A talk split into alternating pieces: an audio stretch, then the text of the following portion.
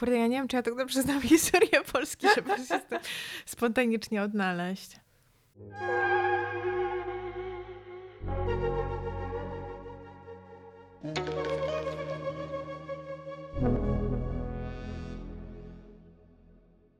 Marta, a ty przeżyłaś teraz śmierć królowej? Nie. Znaczy, wiesz co? E, to był taki e, lekki szok dla mnie bardziej jak ten książę Filip umarł. Bo mhm. to była taka, wiesz, para i wydawało się, że oni będą żyli wiecznie. Ale jak on już umarł, to już wiedziałam, że ona też wkrótce umrze, bo tak to zawsze jest, jak dwoje osób spędza ze sobą całe życie i jedno umiera. To jest niesamowite, że jakoś w mojej głowie, jak myślę o tym, kto tam jakby był parą królewską, to taki incest mi się pojawia, że to była królowa i teraz ten Karol. W sensie, że oni byli jakoś cały czas, nie? Omawiani jako prawdziwi królowie, a tutaj ten Filip tak trochę na doczepkę, nie? No, on też nie był za mądry. No, nie był za mądry i też miał za uszami swoje. Tak. Był taki problematyczny.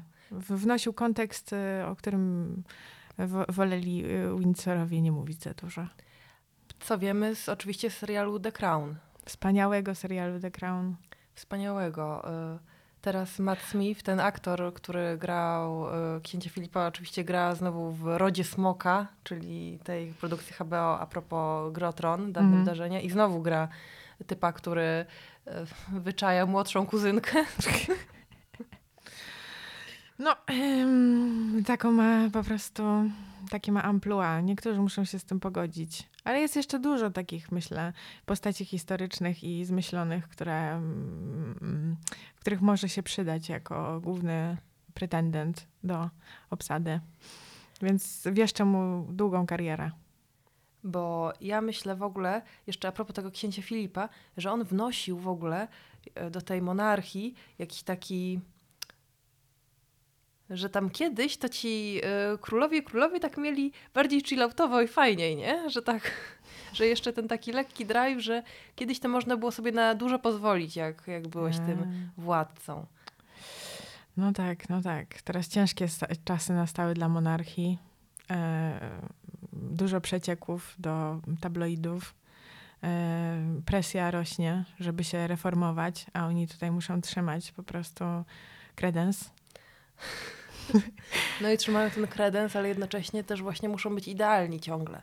Mhm. Na nic sobie nie mogą pozwolić. Bardzo, bardzo mi ich żal, bardzo. Prawda? Współodczuwasz, nie? Kurde, max. No i też myślę, że ten serial The Crown, o którym wspomniałaś, ym, no z tego, z tego też tytułu może być problematyczny dla niektórych, że pokazuje właśnie takie ludzkie oblicze tych osób, z czym one w ogóle się muszą borykać, że muszą się zrzec tej swojej codzienności, tych swoich osobistych spraw, że, prawda? Od tego właściwie zaczyna się pierwszy, pierwszy sezon, od tego takiego rozpoznania, że tutaj jest twoje ciało, a to jest ciało króla i to są dwa zupełnie inne ciała i ogarnij się dziewczyno.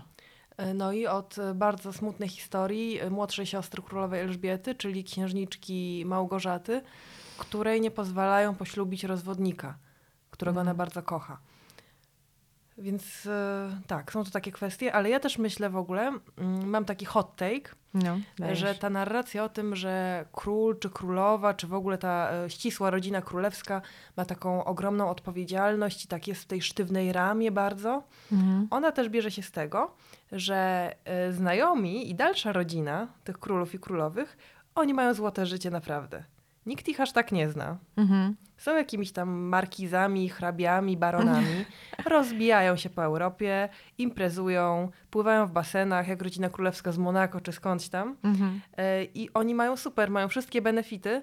E, pieniądze, zamki, rodzinę po całej Europie. Polowania. super, polowania. Bale. Bale, co chcesz. Ale nie mają tego, e, nie są oświetleni ciągle reflektorem i nie patrzy na nich ciągle opinia publiczna. Więc jak masz wokół siebie taki krąg wyłącznie, to możesz poczuć się pokrzywdzone, jak jesteś e, księżniczką krwi i tutaj musisz się zachowywać. No, hmm, ja, ja ogólnie przyznaję się, że mam trochę taki soft spot dla osób właśnie na świeczniku społecznym i tych oświetlonych Być może wpłynęła na mnie cała ta historia ze śmiercią Lady Diany i tym, że tutaj główna narracja była taka, że to wszystko przez tych krwiożerczych paparazzi. Ale też myślę, że w wielu filmach biograficznych teraz, które powstają o bardzo różnych osobach z różnych kontekstów, też o jakichś e, wielkich artystach, e, artystkach i tak dalej, jakby pokazane jest to, że oni są przez to, że odnieśli taki wielki sukces, to całe społeczeństwo ich tam, prawda, hołubi, ale z drugiej strony oni właśnie ponoszą te ogromne koszty przez brak prywatności, e, które się odbija najzwyczajniej w świecie na ich jakimś takim zdrowiu psychicznym. Już twój ulubiony Dawid Podsiadło nawet y, nagrywa piosenki o tym, że sława go boli i on chce zamieszkać w kamienicy i nie myć rąk i żeby go ludzie nie poznawali na ulicy. No właśnie, no. Dawid, bardzo ci współczuję. Szczerze, szczerze mówiąc, myślę, że byłeś bardziej szczęśliwy jako mało miasteczkowy, jako zanim o tym zaśpiewałeś. Jako prosty chłopak, który nie poszedł do talent show. Po co to zrobiłeś, Dawid? E, czy warto było szaleć tak? Otóż to. A jak myślisz, z czego się bierze ta cała historia o tym, że Polacy i w ogóle Europejczycy tak przeżywają e, tę brytyjską rodzinę królewską? Myślę, że w ogóle w Polsce jest e, tęsknota mm, za e, monarchią duża, dlatego że mm, jakby polska historia jest tak skonstruowana, że nasze najświetniejsze czasy to wtedy, kiedy mieliśmy Rzeczpospolitą obojga narodów. PKB rosło. PKB rosło. Jan Kochanowski w Krakowie pisał największe mieliśmy osiągnięcia w ogóle w epoce, kiedy władali nami królowie. Wiesz, Kazimierz Wielki został Polskę drewnianą, a zostawił murowaną. Złoty wiek właśnie za Zygmunta Starego. Otóż to, do dzisiaj mamy go na tym... Na najdroższym banknocie. A, a na, kto jest na 500? Jan Paweł II, nie? Jezu, nie wiem, nigdy nie trzymałam w rękach 500. Ja też nie, no ale na 200 jest Zygmunt Stary w takiej czapeczce. No i wydaje mi się, że my cały czas tęsknimy jako społeczeństwo za tą monarchią, bo yy, po prostu no, historia założycielska, jak gdyby nasz mit założycielski o Polsce jest taki, że my w, jesteśmy takim w ogóle narodem yy, królewskim, pretendowanym. Jest z jednej strony Chrystusem narodów, a z drugiej strony właśnie takim no, ta, ta korona jest z jednej strony materialna, z drugiej strony duchowa. I że właśnie najlepiej sobie radziliśmy wtedy, kiedy mieliśmy właśnie twarde rządy władcy e, w koronie. E, no i teraz tylko po prostu ten złoty wiek próbujemy jakoś doszlusować do niego w, tej trudnej codzienności. I przy całym tym zwrocie wydaje mi się, mm, przy całym tym zwrocie teraz konserwatywnym też, po prostu jazda na królów jest y, tym bardziej mocna. E, ale też to jest taka troska, wydaje mi się, tęsknota, pragnienie posiadania takich fajnych role models. Znaczy takich osób, do których można aspirować, bo my sami jakoś nie możemy się ogarnąć, o co nam w życiu chodzi i w jakim kierunku zmierzać, więc dobrze by było, żeby ktoś przyszedł z zewnątrz i nam powiedział. Poszukiwanie ojca. Tak, poszukiwanie ojca. Matka też mogłaby być od biedy. Na przykład Matka Boska. O ale żeby po prostu ktoś przyszedł i powiedział, bo tutaj mamy, mamy problemy i jesteśmy nadal bandą dzieciaczków, która potrzebuje takiego zwierzchnictwa. I to myślenie przyświecało już szlachcie polskiej na pierwszym sejmie elekcyjnym, kiedy wybrali Henryka Walezego, że przyjechał. No i, no i proszę. I zdziwili, że jest LGBT. Proszę, jaki świetny wybór.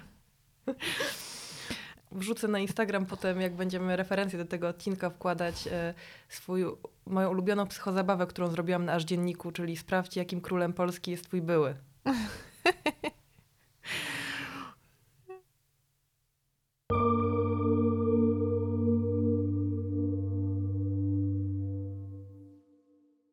No więc byłyśmy przy potrzebie ojca.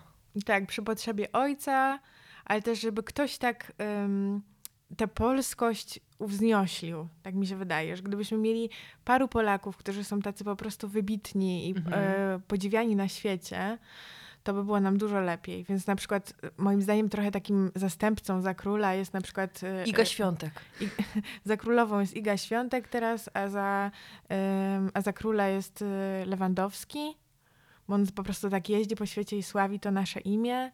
Jest też taki po prostu marzone i cały ten taki no nie wiem, zajmuje się dziećmi, y, pomaga małym dzieciom, coś tam, oni razem, jakieś pro, projekty edukacyjne, właśnie takie cywilizowanie tej prowincji.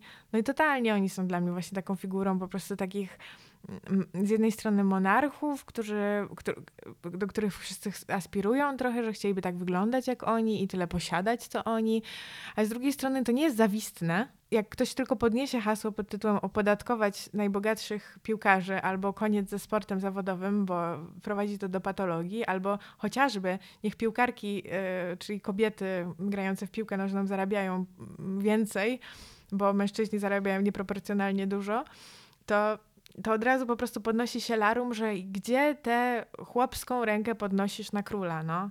Hamie. Hamie.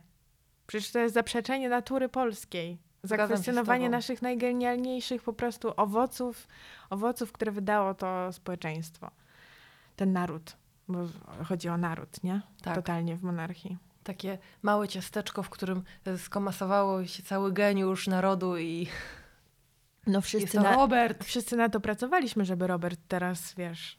Nie no, z Robertem jest jeszcze to, y, że jest podziw dlatego, jak on, chłopak z małego miasteczka, on doszedł do wszystkiego. Przez tego Lecha Poznań, przez mm-hmm. potem jakąś tam, nie wiem gdzie on tam najpierw grał przed tym Lechem, gdzieś tam na Zadupiu. I tak pracował, pracował, wdrożył ten reżim, zapierdala jak maszyna. Czyli to jest o awansie. O awansie i o tym, że ciężką pracą ludzie się bogacą. To jest ucieleśnienie liberalnego mitu trochę, nie? Mhm, no że no tak. from zero to hero, sam zapracował, wielki talent, ale też bardzo ciężka praca.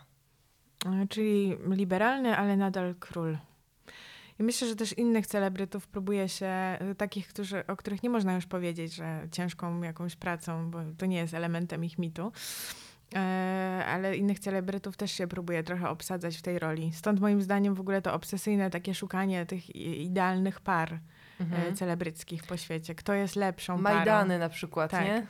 Czy, czy lepszą parą są właśnie Majdany? Niektórzy mówią, że im się tęskni do Majdanów. Yy, wiesz, że, że lewandowscy nie, nie dostają tak bardzo, że tam ci, tam ci lepsi są i w ogóle.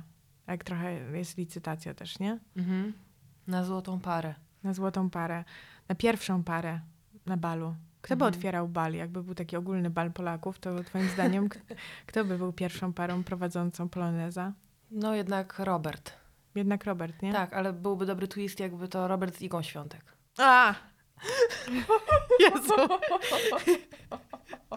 Przepraszam za tę spontaniczną reakcję. Niesamowite.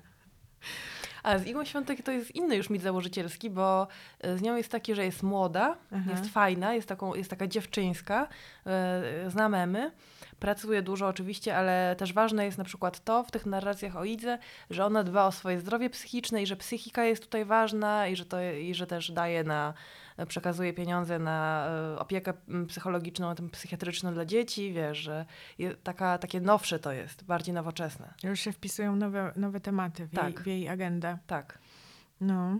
I też, że jest taką aktywistką, że z tą flagą ukraińską na czapeczce, wiesz. No i to jest super. To jest super. Ja bym Igę koronowała. Gówniara z paletką ma mój głos.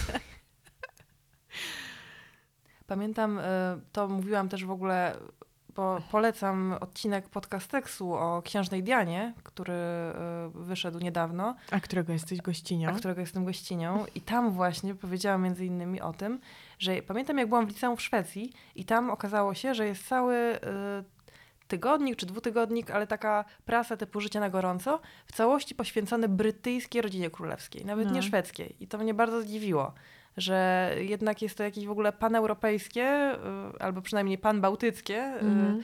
to zafascynowanie y, właśnie brytyjską rodziną królewską. I nie wiem, czy to ma coś wspólnego z tym, że to jednak byłe imperium, że ta królowa Elżbieta tak panowała, wiesz, przez 180 tysięcy lat, mm. że, mhm.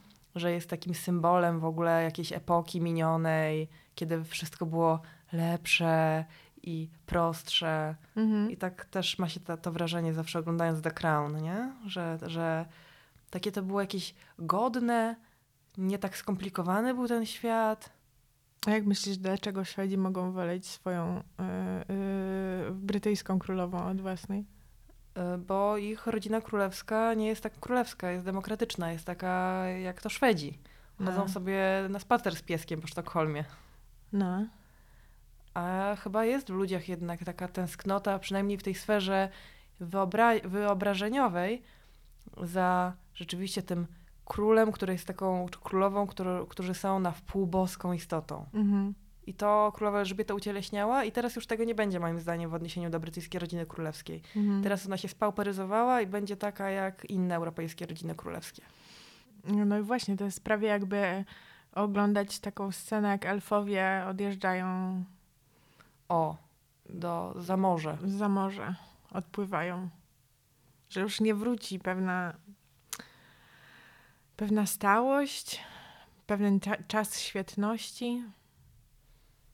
W Years and Years, y, takim serialu bardzo dobrym i smutnym, o tym, o przyszło... Sm- smutny to jest mało powiedziane, ja bym, dystopijnym. on jest totalnie dołujący. To jest o brytyjskiej rodzinie, Pigułka na deprechę. Znaczy w sensie, żeby sobie wywołać. Inducing deprecha. To jest o brytyjskiej rodzinie, która y, po prostu sobie żyje, ale lata lecą do przodu i tak przeskakujemy co parę lat y, i świat robi się coraz gorszy. Kapitalizm wywala się na ryj, ale Mhm. zanim się wywala na ryj, to dociska wszystkich po prostu butem potwornie. Są kryzysy finansowe, kryzysy uchodźcze, y, transhumanizm, ale tak, taki dziwny.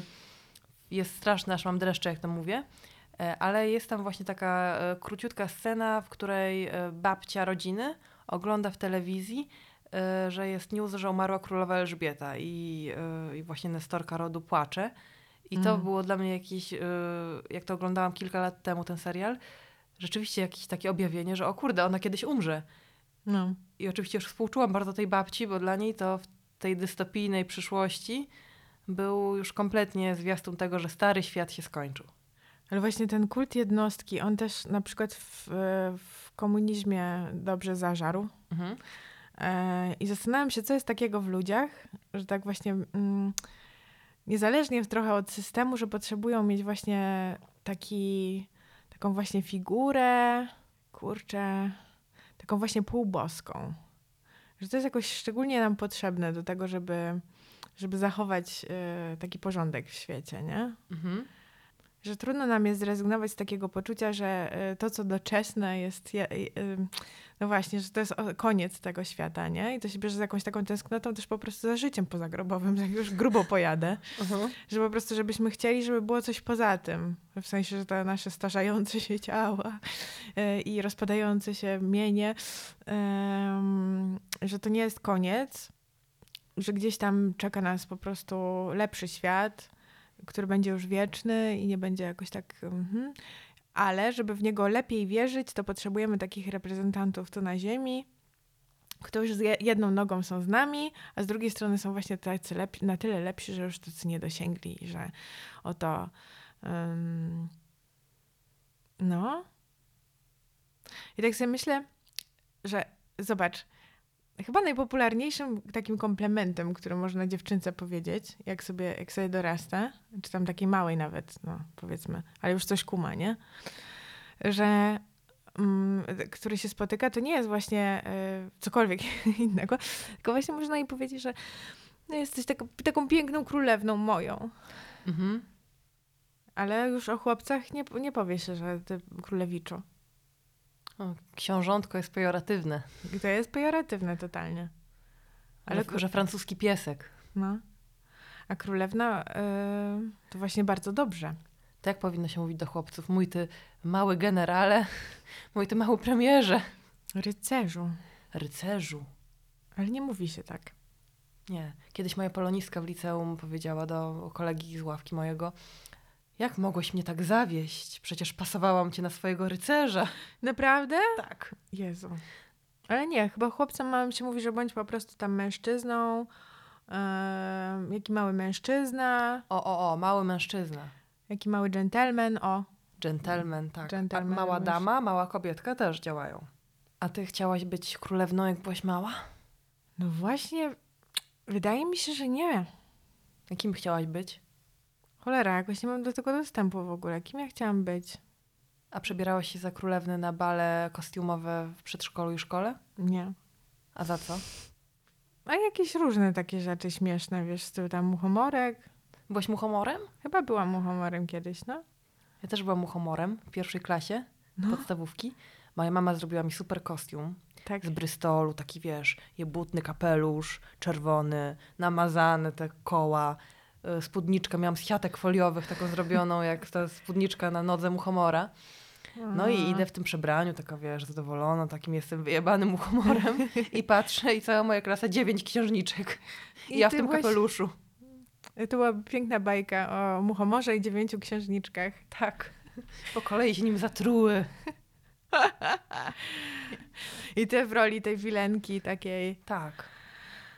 ekstra. Potem przebrałam się za diabła w kolejnym roku, a w kolejnym jeszcze za tancerkę flamenko. Ekstra. Ja raz byłam przebrana za Pocahontas. O, Teraz sobie przypomniałam. teraz byś już nie mogła być, bo... No Bo, Nie e, wolno się Cultural już- tak, appropriation. Ale, Ale wtedy nie jeszcze- wiem, czy to, wiesz, w moim, moim przedszkolu, czy by ktoś wojskowym było, nie było, to te tradycje. Ale w ogóle ten strój to akurat pamiętam świetnie, że byłam z niego super dumna Mhm. i zadowolona, bo bardzo, bardzo mi imponowała Pocahontas. Właśnie księżniczka, e, ale taka z, lu- z, z ludu, z przyrody wręcz, taka organiczna. Ona mi się w ogóle nie kojarzyła z księżniczką, y, tylko z taką właśnie jakąś dziką siłą. No. Niezależną i...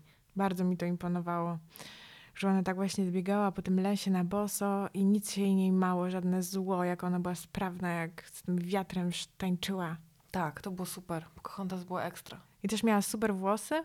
Jeśli kiedykolwiek byłam po prostu zafascynowana czyjąś fryzurą, to byłam zafascynowana fryzurą Pocahontas. I pamiętam, że bardzo y, właśnie ten najważniejszym elementem tego stroju, na który się super cieszyłam, to było to, że mam te takie warkoczyki porobione. A, i piórka. No, to było super. To było no, nawet dzisiaj bym się przebrała za Pocahontas, gdyby jeszcze wypadało. mi się włosy Arielki podobały bardzo. A jakie to były? On miał taki czerwony lok wielki nad czołem. Mhm. I chciałaś mieć taki czerwony los? Chciałam mieć taki lok i w przedszkolu moja koleżanka z grupy się przebrała za Pocahont- e, Boże, za Arielkę i miała e, spódnicę typu rybi ogon, ten fioletowy stanik. E, No i miała też taki czerwony, pluszowy lok wielki, co wyglądało bardzo dziwnie. Jak była w kapeluszu i dopiero po chwili skminiłam, że to jest to. Nie to sobie wyobrażałam. Ale najbardziej mnie w Arielce pociągało to, że ona tak pływa i to, mi, to czyli pływa, czyli trochę tak jak lata, że się tak przemieszcza we wszystkich kierunkach bardzo zręcznie i nie musi tylko chodzić. To jest też o, wolno, o wolności, nie? A ta twoja koleżanka miała normalnie buty, czy tak leżała po prostu? Nie, I robiła tak... nie zaliliśmy jedną salę, wiesz, wodą, że mogło pływać. Ale to było super. No nic, no... Bo bardzo dużo mi, mi się wydaje dla właśnie utrwalenia e, tego księżniczkowego... Mo, mody na księżniczki zrobił Disney. Mhm. w tych poszczególnych filmach, które omawiamy, bo w, właściwie do pewnego momentu, jeśli jakaś miała być e, bohaterka Disneya główna, no to ona była właśnie ujmo, określona jako księżniczka, nie? Właśnie ja już się urodziłam na tyle Disneya. późno, że na przykład pierwszym filmem Disneya, na którym byłam w kinie, czyli w ogóle pierwszym filmem, na którym byłam w kinie, był Herkules. A, I na przykład Meg już nie jest księżniczką. no właśnie. I też była piękna i bestia już. Jezu, Herkules, jaka tam jest znakomita piosenka. Ofiarę złóżcie z głupiej kozy, co sama sobie winna jest. Myślałam, jakoś się ułoży, lecz między bajki to muszę włożyć. Tam są też fajne te teksty. To jest piosenka 30-latek. Meg ma 30 lat, jest rozczarowana mężczyznami. No właśnie. Wspaniałe te. Muszę sobie obejrzeć na nowo Herkulesa. Mulan na przykład. Mulan też nie jest księżniczką. No, jest wojowniczką. Jest wojowniczką. Nikt by jej nie nazwał księżniczką. Nie? Ale ona też ma chyba pochodzenie takie... Nie, no nie wiem jakie ma pochodzenie, ale A nie, ona jest chyba córką... ona jest... Córką wodza. Ona- Jakiego wodza? Nie jest córką Nie? wodza. Ona idzie do wojska, dlatego żeby jej stary ojciec, którego rana boli, nie musiał iść, ale on nie jest żadnym wodzem chyba. Były, Okej. wo, byłem wojskowym. Tak jak y, ty chodziła do wojskowego przedszkola, Mulan. Ale mm, dobra, ale to wydaje mi się, że i tak w tamtym kontekście społecznym to jest wysoka, y, jakby osobna kasta. I hierarchia. No ale dobra, nieważne, dobrze. Z- Zagłębmy się tutaj w Dobrze. historię klas w starożytnych Chinach. No więc ja, jak ja byłam małą dziewczynką, to u Disneya były tylko księżniczki w zasadzie i to wszystkie wyglądały tak samo i tylko miały zmienione stroje i włosy. E, Nawet Kopciuszek wyglądał tak samo jak Śnieżka i tak dalej. Pamiętam, że miałam takie kolorowanki, gdzie je rysowałam i zastanawiałam się nad tym, dlaczego one wszystkie wyglądają tak samo. Tak samo. I tak sobie przykładałam palec i patrzyłam, że ona ma dokładnie takie same oczy jak tamta, że ci rysownicy się nie wysilili za bardzo, po prostu wzięli sobie rysunki z tamtej. Musiały się, musiały się dopiero pojawić etniczne księżniczki, żeby, Mm. żeby rysy się zmieniły. No, a ostatnio widziałam bardzo fajny film, e, Magiczne Encanto. Nie wiem, czy ty to widziałeś? Nie. E, to jest e, em, historia, no taka ma być trochę pozahistoryczna, mm, bo, bo nie ma tam zbyt dużo wskaźników o ja, jaki dokładnie kontekst chodzi, ale jest to o rodzinie migranckiej, e, która osiada w jakimś nowym, n- na nowej ziemi, ale osobą, która przeprowadziła to, to społeczeństwo, e, bo to jest nie tylko jedna rodzina, ale jak gdyby cała społeczność wokół tego, e, osobą, która przeprowadziła ich przez rzekę i tam przez ten burze historyczne jest babcia, która dzisiaj jest taką nestorką rodu, rozdającą rolę. E, I wszystko zaczyna się od tego, że oni są tacy wspaniali i że cała ta rodzina Madrigal, bo tak się nazywają, ma, ka- każdy z nich ma jakiś talent. E, I na początku to jest taka wspaniała i wesoła opowieść o tym właśnie, jak to każdy z nich ma jakąś swoją unikalną wartość. E, Jest taka piękna piosenka, gdzie ta główna bohaterka jakby nas przeprowadza przez te, przez te wspaniałe role, ale właśnie za- zaskakujące jest w całej konstrukcji tego, że oni rzeczywiście nie żyją w pałacu, tylko żyją w takim domu, wiesz, e, które owszem ma patio i tak dalej, i tak dalej, jest nadal wielkim domem, ale to już nie jest pałac, Mhm. natomiast cała społeczność, o której mowa, że jest taka bardzo istotna, żyje poza tym pałacem Aha. w wiosce ota- otaczającej, wiesz. Więc jest znowu jak gdyby ten motyw tego, że oni są trochę jakby rodziną królewską w stosunku do tego plebsu. Też nie ma tam żadnych bohaterów praktycznie z tego plebsu, którzy by byli jakimiś istotnymi postaciami dla tej historii. Ale to już nie jest za- zamek, bo już nie można sobie pozwolić na historię o zamku, ale nadal są wyjątkowi. Jeszcze mają taką magiczną świeczkę, która im daje tę jakby możliwość działania cudów.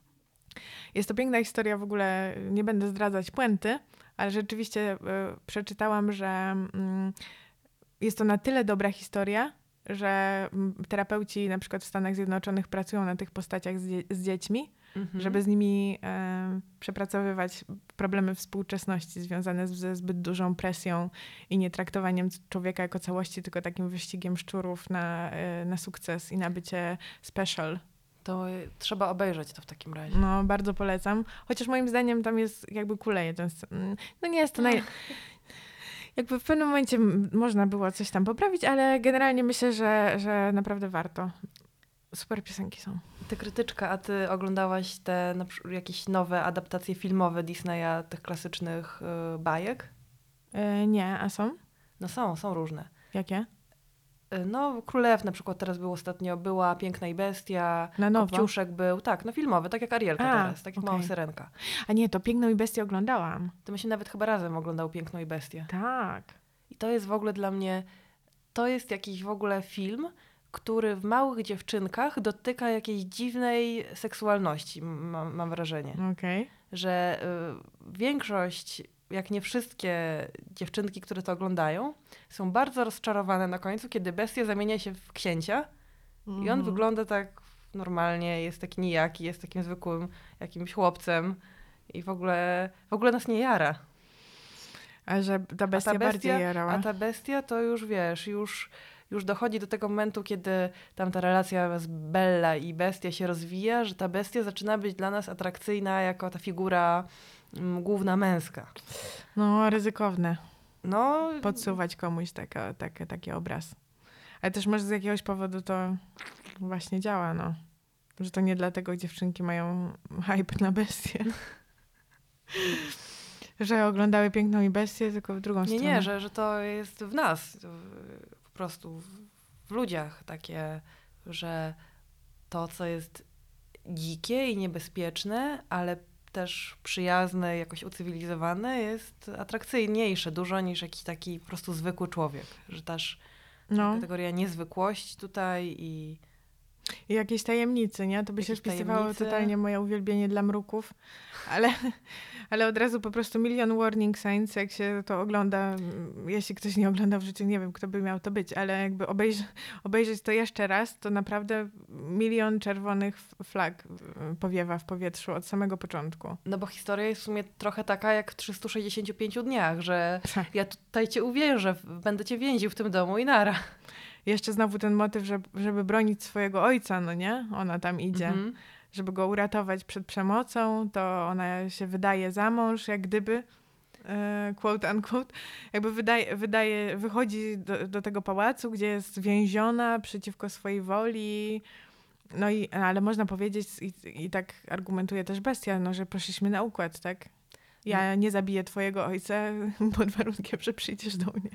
No i też okazuje się, y, że w tych domach, zarówno w domu Bestii, no. jak i w domu z 365 dni Blanki Lipińskiej, więżona wbrew woli bohaterka jest rozpieszczana.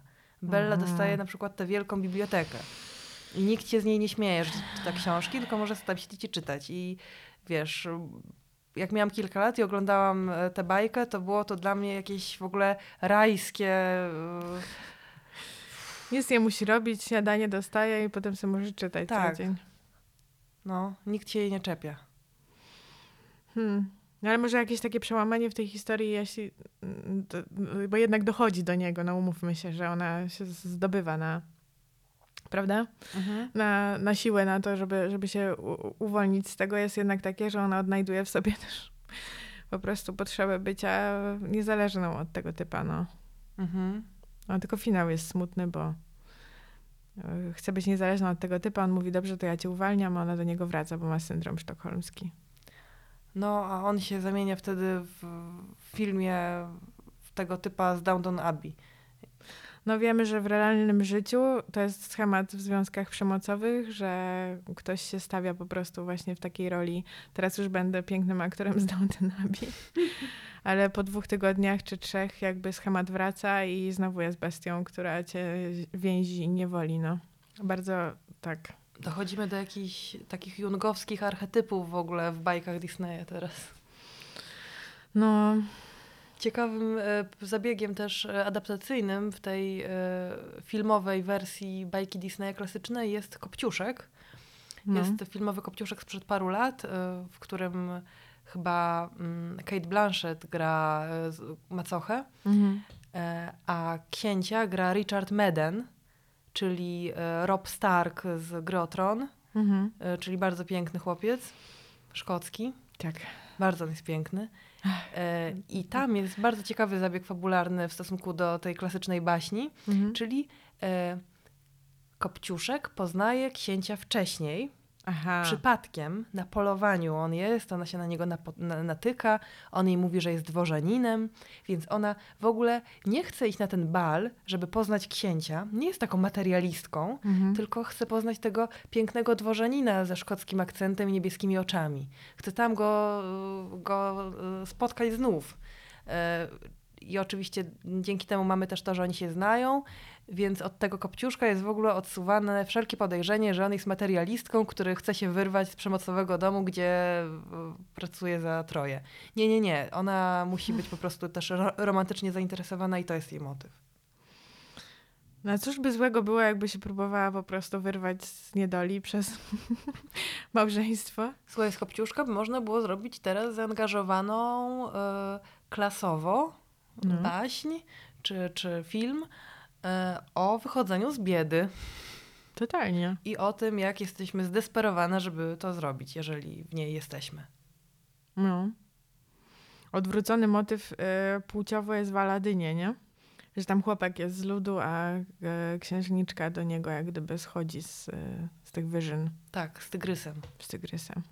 Jezu, ale fajne my, motywy. Ja się, mój umysł teraz się rozbiega w wielu kierunkach wspaniałych bajek, które jeszcze można e, odświeżyć i nakręcić naprawdę dobre filmy o tym. Tygrys był super i z kolei w Aladynie, tak samo jak w Dzwonniku z Notre Dame, mhm. e, były takie bardzo jakieś dziwnie erotyczne piosenki starych typów. O Jezu, Był ten wielki wezyr i był sędzia Frollo. Ten sędzia O. Frollo, który w bajce dla dzieci patrzy na płomień i tam tańczy ta Esmeralda w tym płomieniu w jego wizji i on taki, musisz moją być lub iść na stos. Kurde, co to w ogóle jest? Wszystkie po prostu jakieś mroki fantazji w katolickim świecie A, no. nagle wy- wydestylowane do jednej piosenki do bajki dla dzieci. Uważam w ogóle, że to jest super w Disneyu i uwielbiam to, że on jest tak, że te bajki są takie mm, niepedagogicznie, mrocznie, wiesz, takie Że jednak trochę z braci Green tam zostało. tak, mroczne. Mro- mrocznych rząd. Ja pamiętam, bo mm, pamiętam dokładnie kontekst, w którym oglądałam dzwonnika z Notre Dame, ale nie bardzo pamiętam samego dzwonnika i oto dlaczego. Były ferie zimowe i chodziłam na jakieś takie półkolonie dochodzone i jeździliśmy na różne wycieczki. No, jedną z tych wycieczek była właśnie wycieczka do kina i bardzo byłam, bardzo byłam szczęśliwa, że mogę obejrzeć dzwonnika z Notre Dame, ale miałam infekcję górnych dróg oddechowych i ktoś mnie poczęstował i to był w ogóle już po prostu szczyt szczęścia. Poczęstował mnie takim, e, taką eklerką, takim cukierkiem, e, jak to się nazywało? E, Cadbury Eclair? Mhm. No. E, I ja w ogóle nie jadałam takich cukierków na co dzień. Byłam strasznie szczęśliwa, że to mogłam zjeść. I wpakowałam sobie to dwa chyba do buzi, a, one są rzeczywiście karmelkiem, w sensie wiesz. I zakleił. I zak- Z jednej strony się zakleiłam tym cukierkiem, z drugiej strony się krztusiłam po prostu od tego kaszlu i próbowałam nie zakłócać innym odbioru tego filmu i tak we, siedziałam, siedziałam pod krzesłem w tej ciemności i próbowałam, próbowałam się nie udusić i niewiele pamiętam z całego tego filmu, bo mi łzy płynęły z oczu, a ja tak, a ja się próbowałam skurczyć jakoś pod fotelem, żeby, żeby przetrwać. No, więc musiałabym obejrzeć jeszcze raz, żeby sobie przypomnieć wszystko. Ech, wejście do kina, kiedy jest się choro- chorowitym dzieckiem, nie polecam.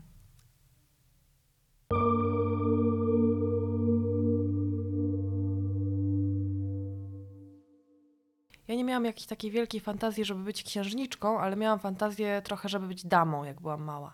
Że Damą? Taka, taką wytworną osobą, e, bardzo elegancko ubraną, w takiej sukni. Bardzo mnie fascynowały te suknie. Ale które suknie? Opowiedz No takich nich. jak w Kopciuszku na przykład, że się rozkładają, że mają krynolinę. Nie wiedziałam, że to jest krynolina wtedy, takie Mhm. są okrągłe.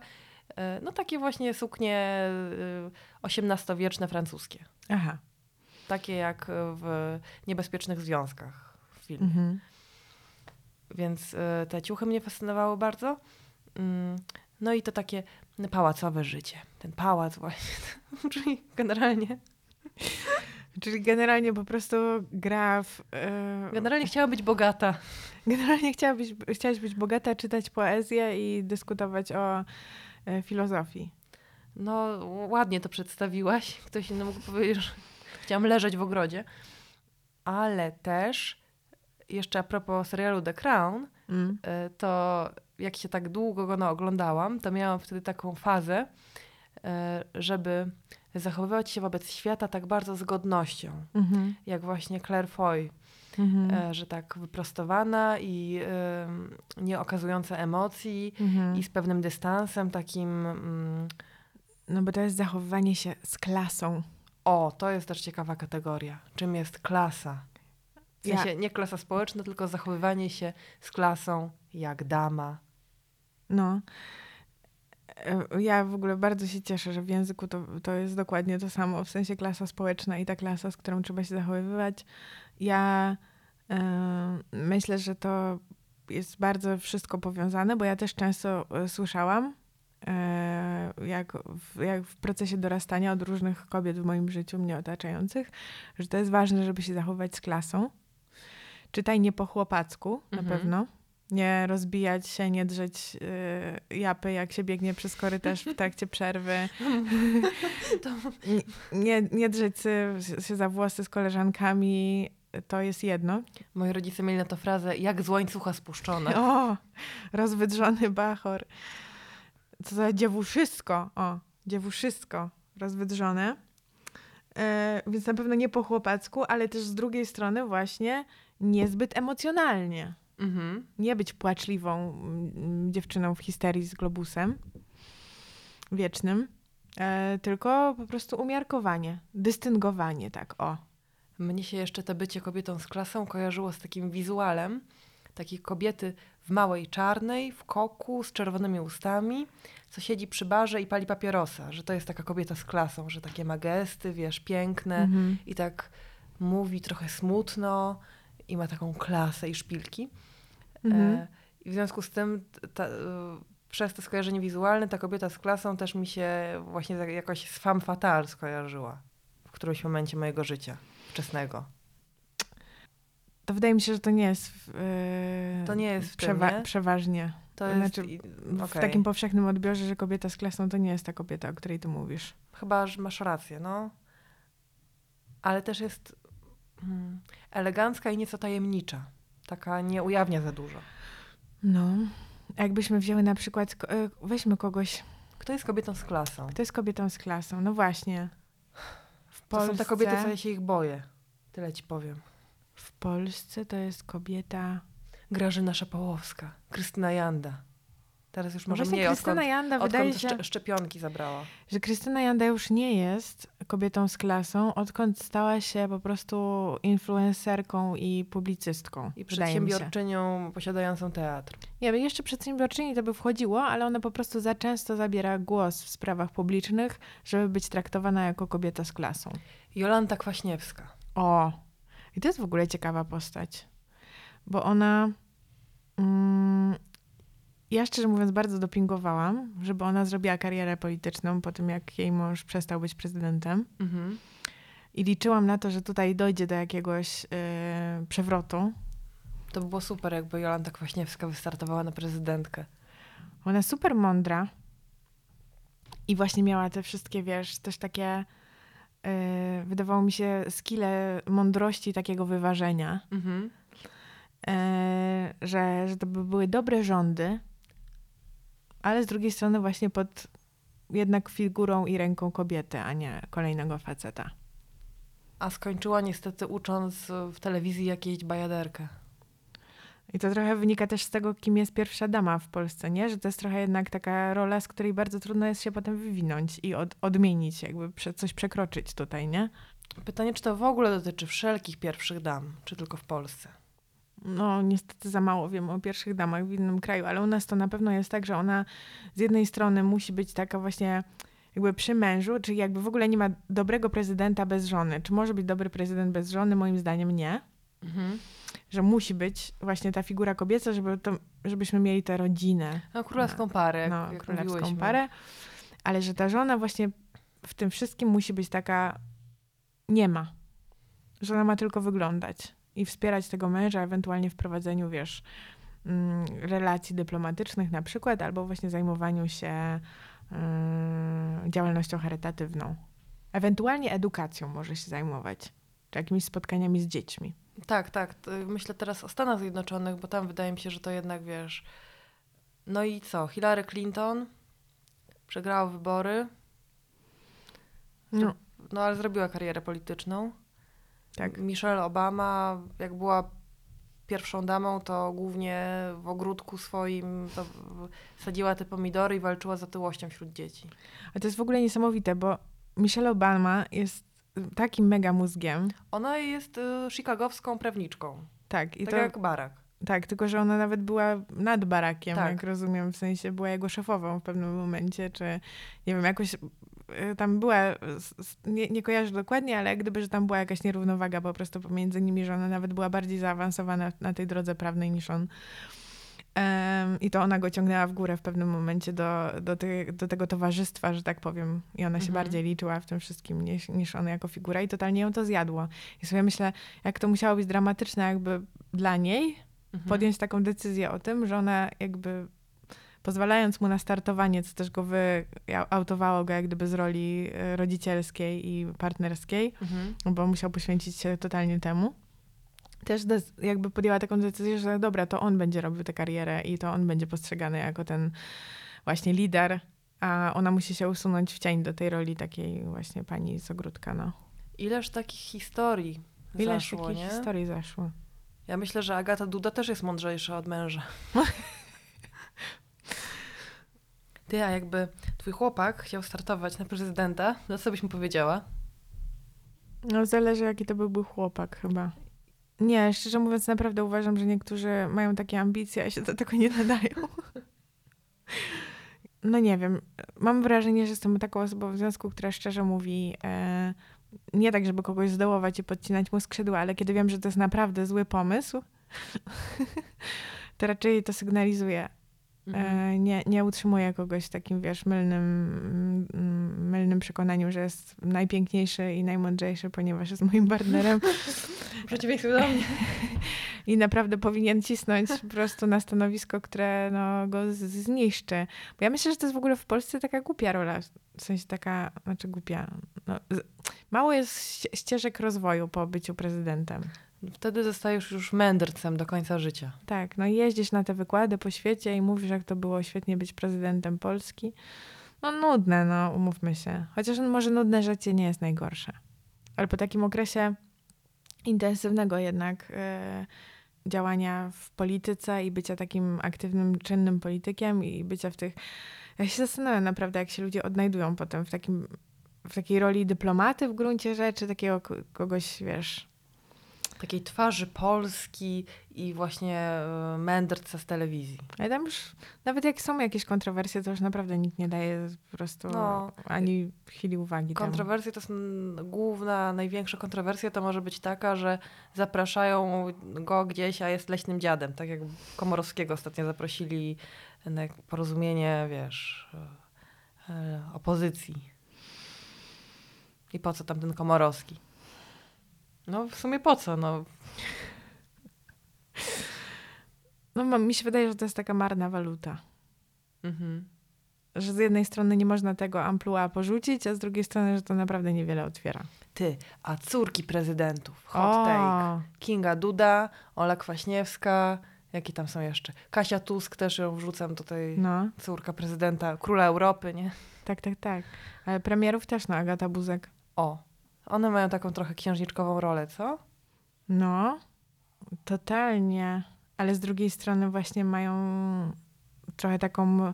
Z jednej strony mają tą protekcję tego ojca takiego mocarnego, mhm. ale z drugiej strony ma, mogą też po prostu rozwijać się. Ja tak na przykład y, zazdrościłam Kasi Tusk tego, że ona o nic się nie musi martwić. Chodzi w tych swetrach z moheru, bawi dziecko, chodzi z psem po Sopocie. No. Chatę ma, Czego chcieć więcej?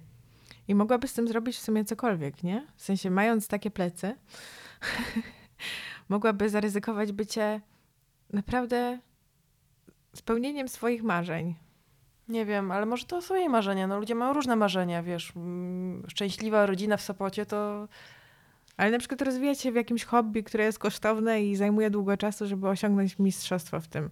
Na przykład gotowanie ryżu. Parzenie herbaty. Parzenie herbaty. Jakby w Japonii, Składanie origami. W Japonii, żeby robić dobre sushi, to trzeba przez 7 lat terminować. Na przykład myśleć sobie, nie muszę zarabiać na życie, więc kupię się na rozwoju sztuki y, rzemieślniczej robienia sushi, dajmy na to, nie? Mhm. Albo cokolwiek. Coś, na co inni zupełnie sobie nie mogą pozwolić. Mają takie marzenia, że na przykład, nie wiem, zostanę, nie wiem co, yy, yy, pisarką, yy, taterniczką, spawaczem. Spa spawaczem, no nie wiem, jakimś właśnie lutnikiem. Mhm. Jakby będę robić rzeczy, które wymagają naprawdę dużego, dużego nakładu takiej pracy i rozwijania skilli i kosztują też. Ja totalnie, jakbym była córką Tuska, to bym, to bym poszła w rzemieślnictwo właśnie. Mhm. I zostałabym stolarką. Rzeźbiłabym ludziom meble z drewna i domy bym stawiała drewniane. Tak. Jezu, Donaldzie Tusku, weź, weź mnie. Daj, a nawet jak nie adoptujesz, to daj jej hajs, niech ona to może robić. A jakie jest słowo odpowiednie do usynowić kogoś? Ucórczyć? Chyba nie ma. Nie ma tego słowa. Kurde, czemu? Bo myślę, że słowo usynowić powstało wtedy, kiedy to mężczyźni dziedziczyli, więc nie było sensu mieć. A, że mieli... Yy... Aha, że mieli dzieci spoza związku i mogli go usynowić Czyli na przykład. uczynić dziedzicem. Aha, a uznać dziecko, albo po prostu uczynić dziedzicem w momencie, kiedy nie mieli swoich dzieci, tak? Tak, tak. Kurna, a ucórczyć nie było sensu. Nie wiem, nie, nie wiem jak to działa, nie? Ale tak pomyślałam, że to mógł być powód. Bo ucurowić? Nie, nie ma czegoś takiego. Oczywiście może być, bo jak powiedziałyśmy, to jest, ale No kurczę, problemy z tym patriarchat, parchi, pa, pa, Patriarchatem? patriarchatem na każdym kroku. Gdzie nie spojrzeć, tam dyskryminacja. I nawet Kasia tu zawodzi nasze oczekiwania. No, A jeszcze mam myśli a propos księżniczek i negatywnego postrzegania księżniczkowania. Jak już jesteśmy przy patriarchacie. aha. Czyli mężczyźni, którzy na przykład piszą na aplikacjach randkowych nie bądź księżniczką. Albo takie zahaczające trochę o incelskie yy, i nienawidzące kobiet historie, że laska jest księżniczką, bo oczekuje, że ja tu przy niej będę robił. Aha, czyli chodzi o to, że Wokół ktoś, nie będę latał. Że zarzut o bycie księżniczką polega na tym, że za mało robisz wokół siebie i że trzeba cię obsługiwać. Albo, że za mało robisz wokół mężczyzny i oczekujesz od niego Mm. tego, że on tutaj będzie latał w koło ciebie, płacił za ciebie, płaszcz ci zdejmował i wychodził z inicjatywą. A ty siedzisz jak w wieży i czekasz tylko. No. Ale to ludzie piszą jakby na wstępie, że nie szukają księżniczki? Tak, czy... tak, tak. Nie szukam księżniczki, nie bądź księżniczką. Aha. Jestem taki, no na wszystkich Tinderach to się zdarza. I tak zastanawiałam się przed tym odcinkiem w ogóle, e, czy tam kryje się za tym disem na księżniczki, Mhm. oprócz pewnej mizoginii, e, także jakaś rzeczywista i ważna męska potrzeba. I tak myślę, że być może to Mhm. jest nawet nieuświadomione przez nich myślenie, że mają dość patriarchalnego modelu, w którym mężczyzna jest inicjatorem wszystkiego. Aha. Że chcieliby też A. usłyszeć komplement, B. usłyszeć od dziewczyny propozycję spędzenia czasu, Mhm. żeby ona po prostu wyszła z inicjatywą dotyczącą jakichś wspólnych aktywności, wspólnych działań, wspólnego życia. Mm. Że są zmęczeni może rolą właśnie myśliwego i łowcy. Ciekawe, że tego częściej się nie ujmie w jakiś taki pozytywny komunikat pod tytułem bądź dziewczyną z sąsiedztwa, albo jeśli jesteś osobą, która lubi partnerskie związki, napisz do mnie. No oczywiście, bo jeżeli mężczyznom coś przeszkadza w stereotypowym czy tam standardowym, statystycznym związku z kobietą, to nie jest to na pewno nic wynikłego z patriarchatu, prawda? To jest wynikłe z tego, że ta laska jest zjebana. Że nie zna prawdziwego życia. Właśnie. Nie o, wie, na o. czym jej dupa jeździ. Totalnie, nie wie na czym jej dupa jeździ i weź tu za nią, lataj, obsługuj. Mm. Nosili ją na rękach. O, właśnie, A na rękach mam cię nosić? Ja nie zamierzam. Nie jesteś tyle warta. Może to straszne jednak dostawać na, na samym początku takim komunikatem w twarz, myślę. Może oni mają po prostu za dużo zgłoszeń, dlatego mówią, czego nie szukają. To jest... W ogóle nie mają dużo zgłoszeń. Aplikacje randkowe faworyzują kobiety. Jest ich tam mniej, kobiety mają więcej maczy, bo mężczyźni chętniej te macze dają. To matematycznie to mężczyźni nie mają... Kobiety Okej. mają lepiej na Tinderach. Więc ja myślę, że to jest po prostu te komunikaty typu nie bądź księżniczką, błagam, nie bądź głupia i tak dalej. One po prostu mają za zadanie mm, według jakiejś głupiej psychologii y, spod znaku podręczników podrywu, Mhm. mają za zadanie zaintrygować kobietę tym, że jesteś wobec niej oschły i niedostępny, trochę jak bestia w pięknej bestii. Mhm. Że to mają zaf- zafrapować, że taki jesteś, wiesz, mm, trochę samotnik, Mhm. znasz swoją wartość, nie interesują cię przelotne błyskotki, nie jesteś tutaj jakimś dążuanem, co tu ją będzie, wiesz, kwiatami obsypywał. Mhm. I jakby kończy się tak, że po prostu połowa typów na Tinderach myśli, że zafrapuje kobietę tym, że będą dla niej niemili. Pozdro, chłopaki. Tak jakby naprawdę to była jaka- jakaś norma we współczesnym społeczeństwie, że mężczyzna obsypuje kobietę kwiatami i ją nosi na rękach. Nie jest to norma. A niektórzy mają takie przekonanie i chciałam cię zapytać o to, co o tym myślisz, że jednak żeby mężczyzna się wydawał męski i atrakcyjny, to on musi być trochę właśnie taki niedostępny, żeby zabiegać o niego. Że jak ktoś za bardzo jest Ha. emocjonalnie e, Dostępny? dostępny, to że to jest mało męskie. Ja myślę, że to działa w dwie strony, że w ramach tego flirtu obie strony i już flirtu hetero, No. i kobieta i mężczyzna chcą troszkę gonić króliczka. Mhm. Nie jakoś tak bardzo, że, że ta druga strona cię olewa, ale tak troszkę, żeby ta druga strona miała jakiś sobie vibe lekkiej tajemnicy, czegoś takiego skrytego trochę, że nie wszystko ci od razu wywala na stół, że tak musisz się trochę mm, pograć w tę grę. Mhm. Bo mężczyźni też chyba e, jakoś lubią kobiety, które nie od razu mówią wszystko o swoich emocjach i uczuciach i komunikacja bez przemocy, e, o potrzebach i wszystkim, tylko które są takie troszeczkę jednak tajemnicze i wydają im się niezależne i myślę, że to jest klucz, że pociągają nas ludzie, którzy, kiedy na nich patrzymy, wydają nam się niezależni i autonomiczni w swoim życiu. Że ich życie jest na tyle ciekawe i fajne, Mhm. że my jesteśmy jak, jakimś dodatkiem do tego, my, osoby flirtujące z nimi, Mhm. ale te osoby mają też bardzo dużo innych jakby przeżyć w, w świecie Mhm. i nie muszą, nie skupiają się na nas od razu, więc dlatego nie mówią nam o wszystkich swoich potrzebach i nie wylewają na nas całego swojego świata od razu. Ale to chyba dla nas, y, osób lękowo unikowych. unikowych. Osób pojebanych, No nie nazwałabym tego takiej, prawda? Ale mm, tak sobie myślę, no, w takim bezpiecznej relacji, jak ktoś komuś mówi, jesteś dla mnie całym światem no i nie no, naprawdę ma to na myśli. jeżeli naprawdę ma to na myśli, a nie jest to fraza po prostu, to jest to niepokojące. Mm, Ja bym nie chciała być dla nikogo całym światem. no. Bo wtedy jest to odpowiedzialność zbyt duża. Księżniczka by tak nigdy nie powiedziała. O, prawdziwa księżniczka. Prawdziwa księżniczka zna swoją wartość i ma też swoje zajęcia. Yy, grę w kanastę,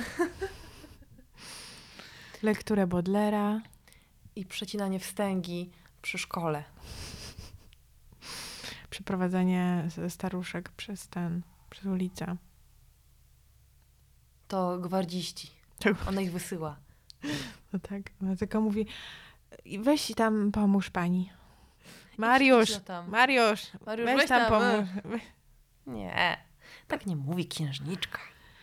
Ja myślę sobie, że w ogóle w tym modelu, modelowaniu kobiet do bycia księżniczkami i tym, że jak sobie rosną, to tak mówią, o jaka królewna, jak ona pięknie tu hmm, i taką koronę ma z papieru i zobaczmy, ubierzmy ją jeszcze na kolejny bal, a kim byś chciała być, no królewną i tak dalej. I przez to modelowanie potem e, wyrastają właśnie kobiety, do których mężczyźni, e, ich partnerzy dorośli mają pretensje, że są za bardzo królewnami że tutaj oczekują czegoś innego.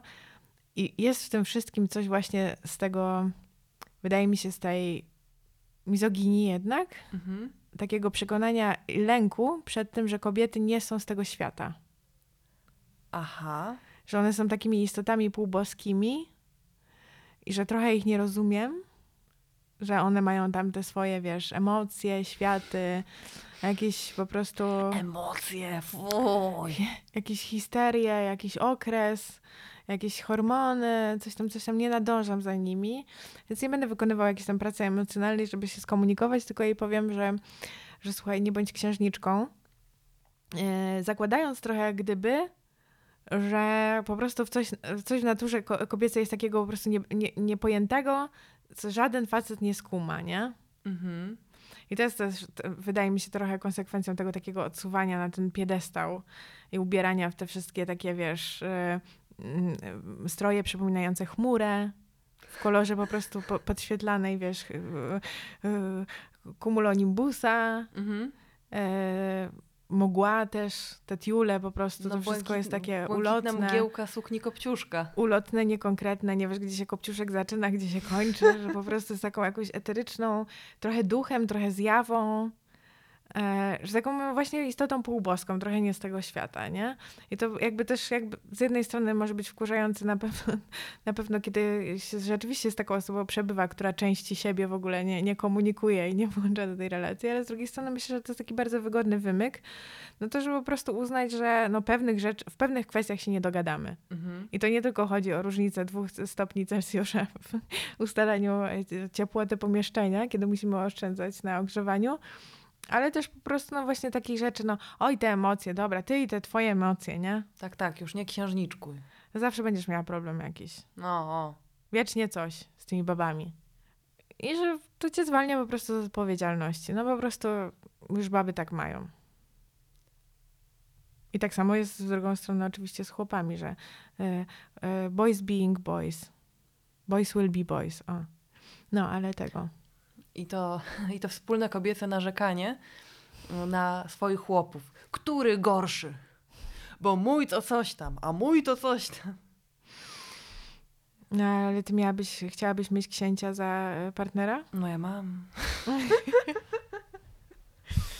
Bo długo się zachwycałyśmy wizją Tuska wjeżdżającego na białym koniu. No nie, no nie, tutaj nie Tuska mi się podsuwaj pod oczy teraz. Ale ty myślisz o Rafale?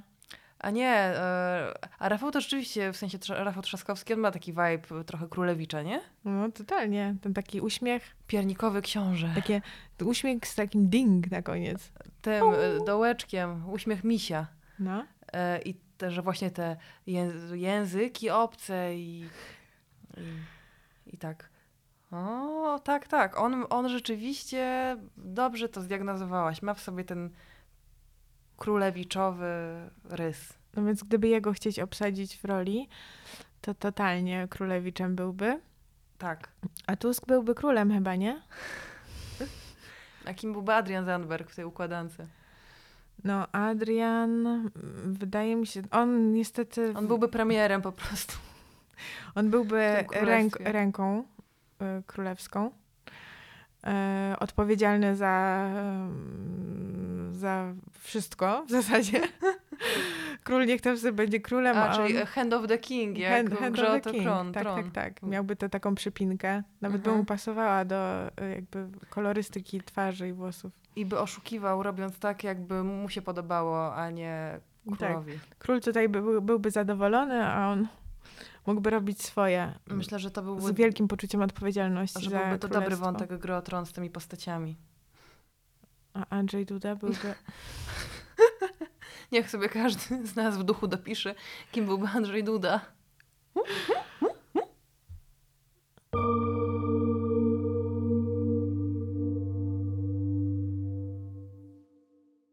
Morały. Nie mów swojej partnerce, żeby nie była księżniczką. Zastanów się, o co jej może chodzi, albo jakie ty masz tak naprawdę potrzeby, które kryjesz pod tym. Dziewczyno, nie czekaj na królewicza z bajki, bo nie będzie się traktował po partnersku. Znajdź se chłopa z ludu. Który będzie cię traktował po partnersku, ponieważ wszyscy chłopi z ludu tak właśnie postępowali i nie było wcale podwójnej władzy ojca i pana. Dobra, yy, wycofuję się z tego, znajdź sobie dziewczynę. tak, i to już obojętnie skąd, tylko może nie z balu debiutantek. Kiedy idziesz na bal debiutantek, nie zakładaj już stroju mm, Pocahontas, jest to w złym tonie.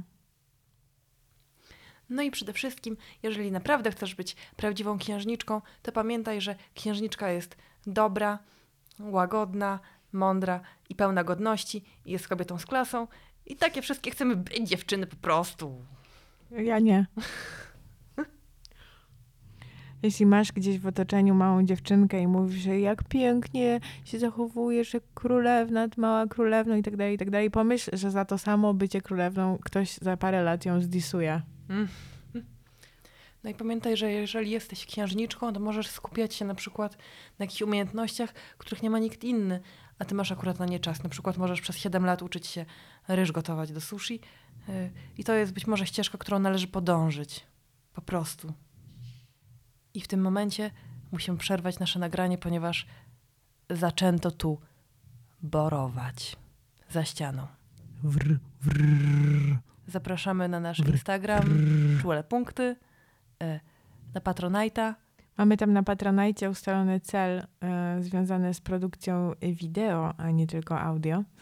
Więc jeśli chcecie kiedyś zobaczyć, jak e, machamy łapkami e, w emocjach, rozmawiając o minio- słusznie czasach minionych szacheckich, to rzućcie tam grosza.